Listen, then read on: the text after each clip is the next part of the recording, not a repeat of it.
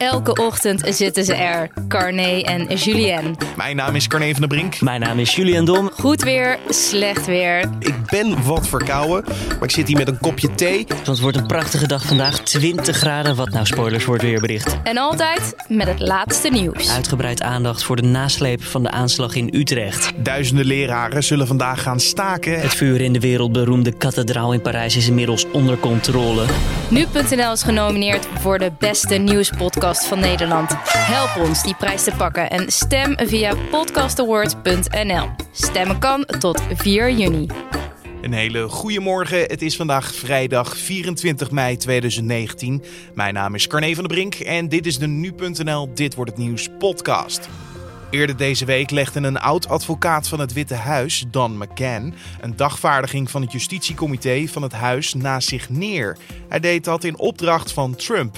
Hij moest in het Huis van Afgevaardigden vragen beantwoorden over het Ruslandonderzoek en zijn rol daarin. Want de Democraten zijn nog druk op zoek naar scheurtjes in de politieke carrière van Trump. Maar hoe ver durven zij te gaan? Democraten die zijn ook een beetje bang dat als zij echt vol uh, op de president gaan, dus dat ze zo'n impeachment uh, procedure opstarten, dat ze daar Trump eigenlijk alleen maar politieke wapens mee in handen geven. Over deze strijd tussen de Democraten en Trump gaan we straks verder praten met Amerika-expert bij nu.nl Matthijs Lelou. Maar eerst kijken we naar het belangrijkste nieuws van nu. De PvdA lijkt de grootste partij te worden bij de verkiezingen voor het Europees Parlement. VVD en CDA zijn gedeeld tweede en D66 en de PVV zijn de grote verliezers.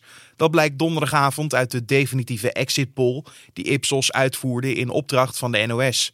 De PvdA, die met Frans Timmermans als lijsttrekker een pro-Europese campagne voerde, komt uit op 18,1 procent. Dat is een verdubbeling van het aantal stemmen ten opzichte van vijf jaar geleden.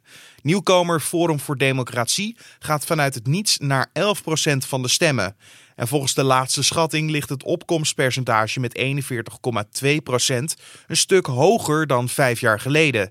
Deze verkiezingen bepalen de verdeling van de 26 Nederlandse zetels in het Europees Parlement met in totaal 751 zetels. Ook in het Verenigd Koninkrijk mochten de kiezers donderdag stemmen voor de Europese verkiezingen. Deze stemmen worden echter pas zondag geteld, want de definitieve uitslag volgt ook dan aanstaande zondagavond, omdat dan pas alle lidstaten naar de stembus zijn gegaan. Harvey Weinstein zou een schikking hebben getroffen met beschuldigers, het voormalige bestuur van de Weinstein Company en de procureur-generaal in New York. Dat meldt de Wall Street Journal.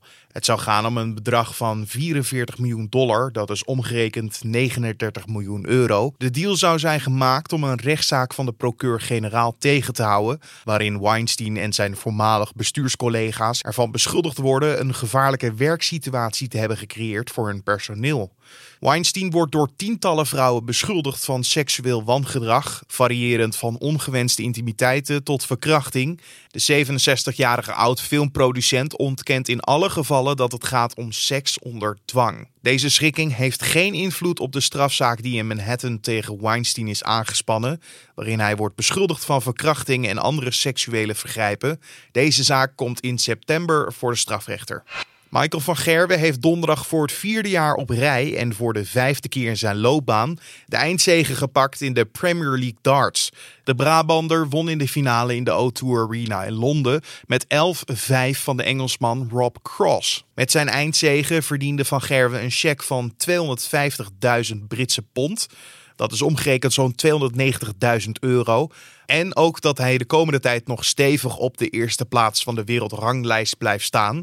En Van Gerwen haalde sinds zijn debuut in 2013 telkens de finale van de Premier League darts. Twee keer greep hij naast de trofee. In 2014 door Raymond van Barneveld en 2015 door de schot Gary Anderson. De 65-jarige Amerikaan Bobby Joe Long is in de staatsgevangenis van de Amerikaanse staat Florida geëxecuteerd. Er werd in 1985 ter dood veroordeeld voor het ontvoeren, verkrachten en vermoorden van zeker acht vrouwen een jaar eerder.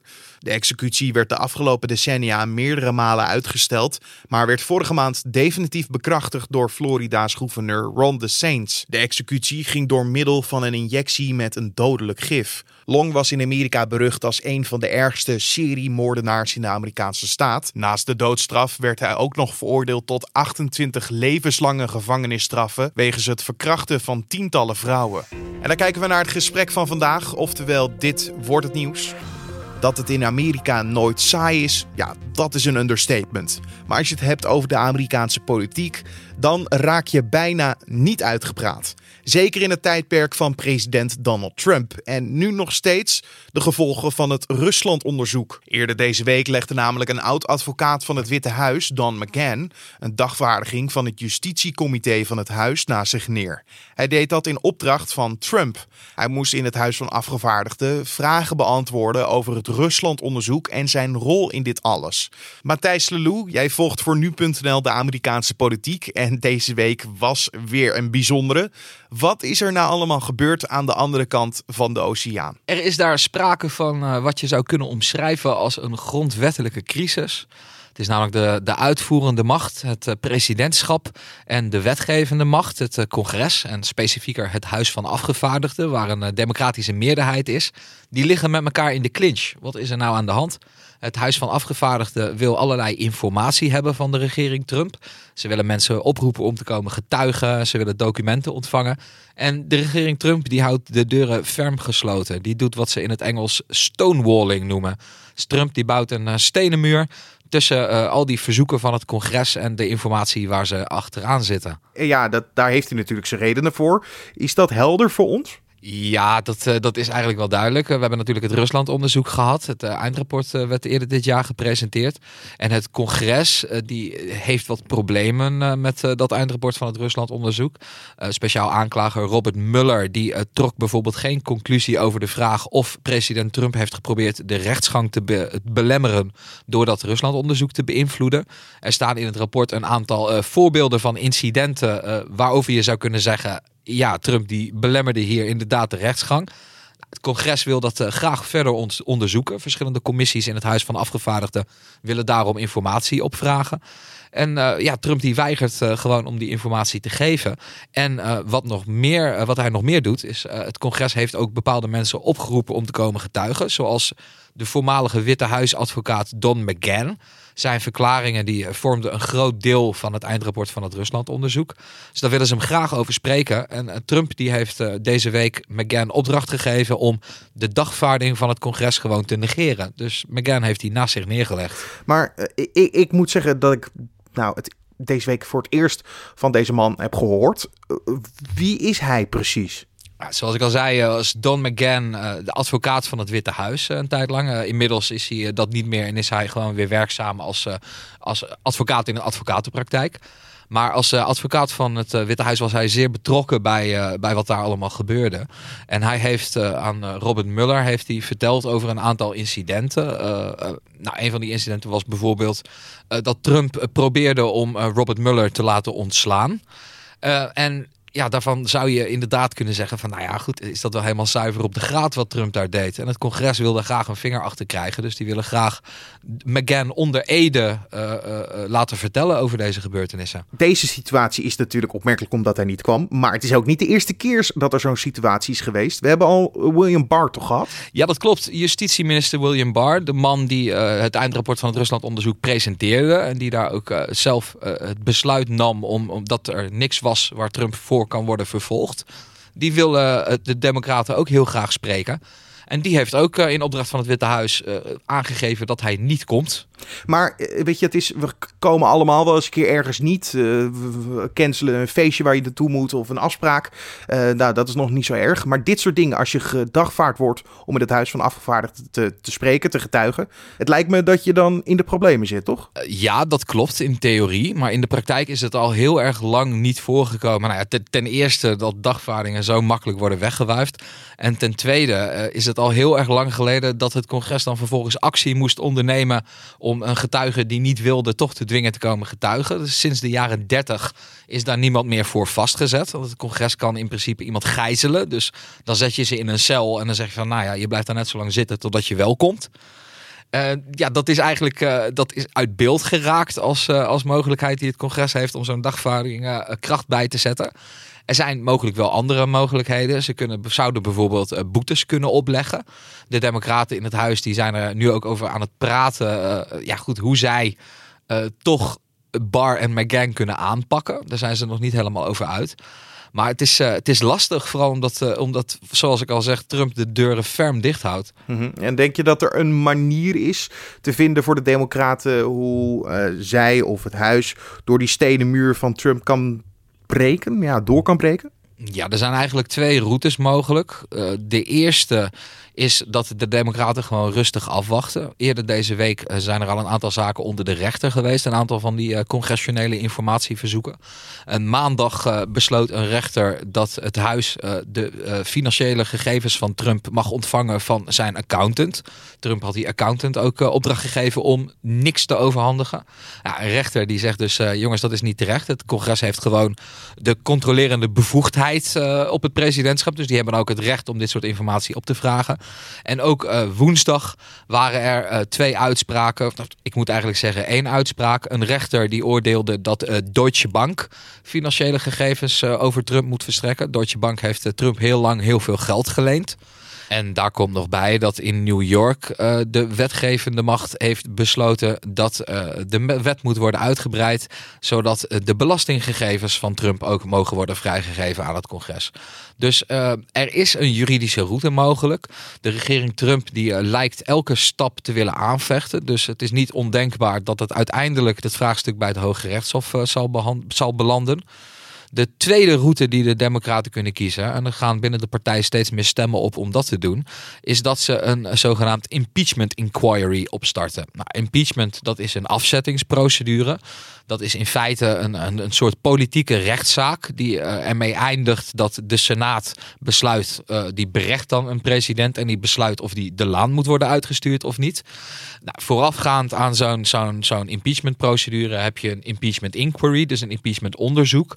En er zijn verschillende stemmen binnen de Democratische Partij die zeggen: ja, als we zoiets opstarten, dan kunnen we al onze uh, informatieverzoeken die we tot nu toe hebben, die komen bij verschillende commissies van het Huis van Afgevaardigden vandaan, die kunnen we dan bundelen. En zo kunnen we dat wat meer, meer juridische kracht geven. Hoe groot acht jij die kans dat ze een van deze twee tactieken gaan toepassen? Ook natuurlijk met in 2020 weer de, de verkiezingen die eraan komen. Nou, de vrouw waar iedereen nu naar kijkt is uh, Nancy Pelosi. Dat is de huisvoorzitter van de Democraten. Ze, uh, nou ja, goed, uh, ook de machtigste vrouw van, van de Democratische Partij.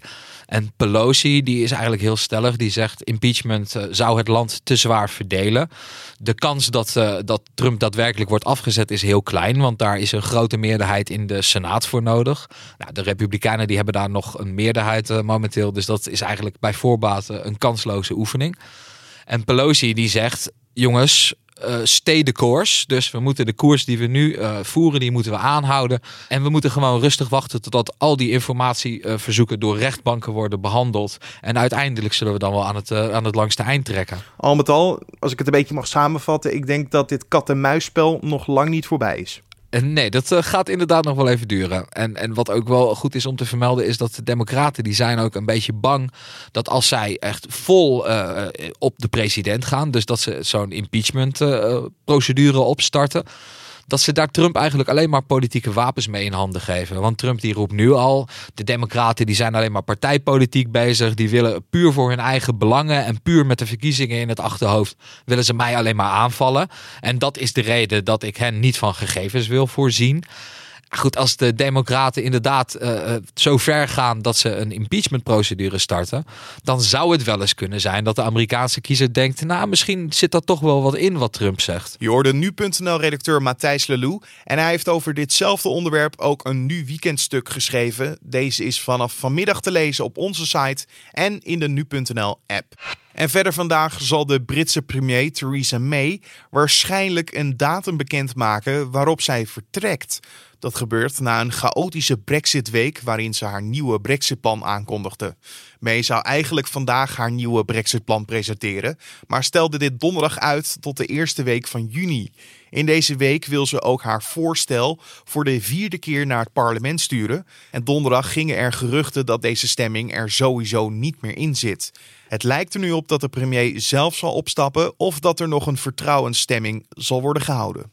En vandaag gaan verspreid over de wereld demonstranten de straat op om aandacht te vragen voor klimaatverandering. Ook in Nederland wordt actie gevoerd. Zo houden scholieren een nieuwe mars, dit keer door het centrum van Utrecht. En dan nog even het weer. Vandaag is het vrij zonnig en droog. Alleen in het zuidoosten komt wat bewolking voor en in de middag kan daar een bui uitvallen. Met een maxima van 17 graden aan zee tot 23 graden in het binnenland is het vrij warm vandaag. En om af te sluiten nog even dit.